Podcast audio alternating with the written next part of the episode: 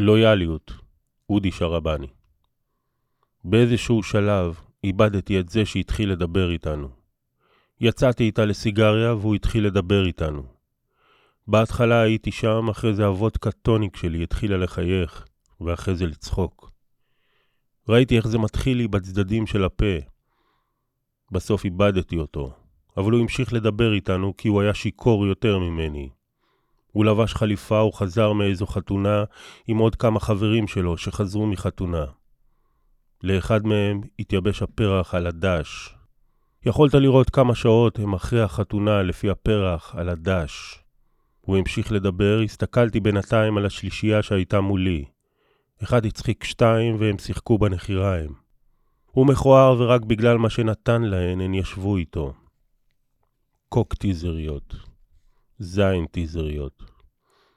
אני בחיים לא ניסיתי את זה, קוקיין, למרות שתמיד חושבים שאני סוחר. תמיד באים אליי ואומרים לי, יש לך משהו? אני אומר, מה? הם אומרים, אתה יודע. אני אומר, לא, אני לא יודע. הם אומרים, נו, אתה יודע למה אני מתכוון? אני אומר, אני שוטר. לך מפה, ילד. והם הולכים. כי לסוחרים ושוטרים במסווה יש אותו פרצוף, ולי יש רק פרצוף אחד. אני בחיים לא ניסיתי את זה קוקיין, כי שמרתי אמונים למי שצריך לשמור לו אמונים. הייתי ילד ואחי שם את אריק קלפטון בהופעה חיה ביפן, ואלפי יפנים צעקו שם בפזמון קוקיין. ושאלתי את אחי מה הם צועקים, והוא הסביר לי, קוקיין. השלישייה ממול המשיכה לשחק בנחיריים. זה שהיה ביניהן היה מכוער, אבל הצחיק אותן. השמאלית והימנית, יכולת לראות שהן התאימו בגדים לפני היציאה, והמכוער שבאמצע המשיך להצחיק אותן. רק בגלל מה שנתן להן, והן שאן רק בגלל מה שנתן להן. באיזשהו שלב, זאת שהייתה איתי וגם זה שהתחיל לדבר איתנו, איבדו אותי. הוא המשיך לדבר, לא הבנתי על מה הוא מדבר. צחקתי במקומות שהוא רצה להצחיק בהם, אבל גם באלה שלא. הוא אמר איך קוראים לו, אני אמרתי איך קוראים לי, היא אמרה איך קוראים לה, והוא הוסיף שאנחנו אנשים נהדרים. לעזאזל הוא לא מכיר אותי והוא אומר שאני איש נהדר. זאת אומרת, אני שיכור וגם הוא, אבל אני אזכור איך קוראים לו גם מחר, ואני אזהה אותו גם מחר, אבל הוא לא.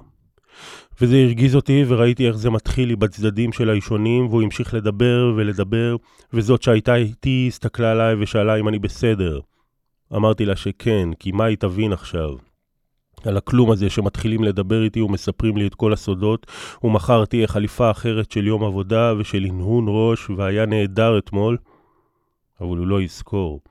ועל זה רציתי לקלל אותו בלב, על זה שלא הכל מקודש. רציתי להגיד לו מניאק, אבל לא אמרתי.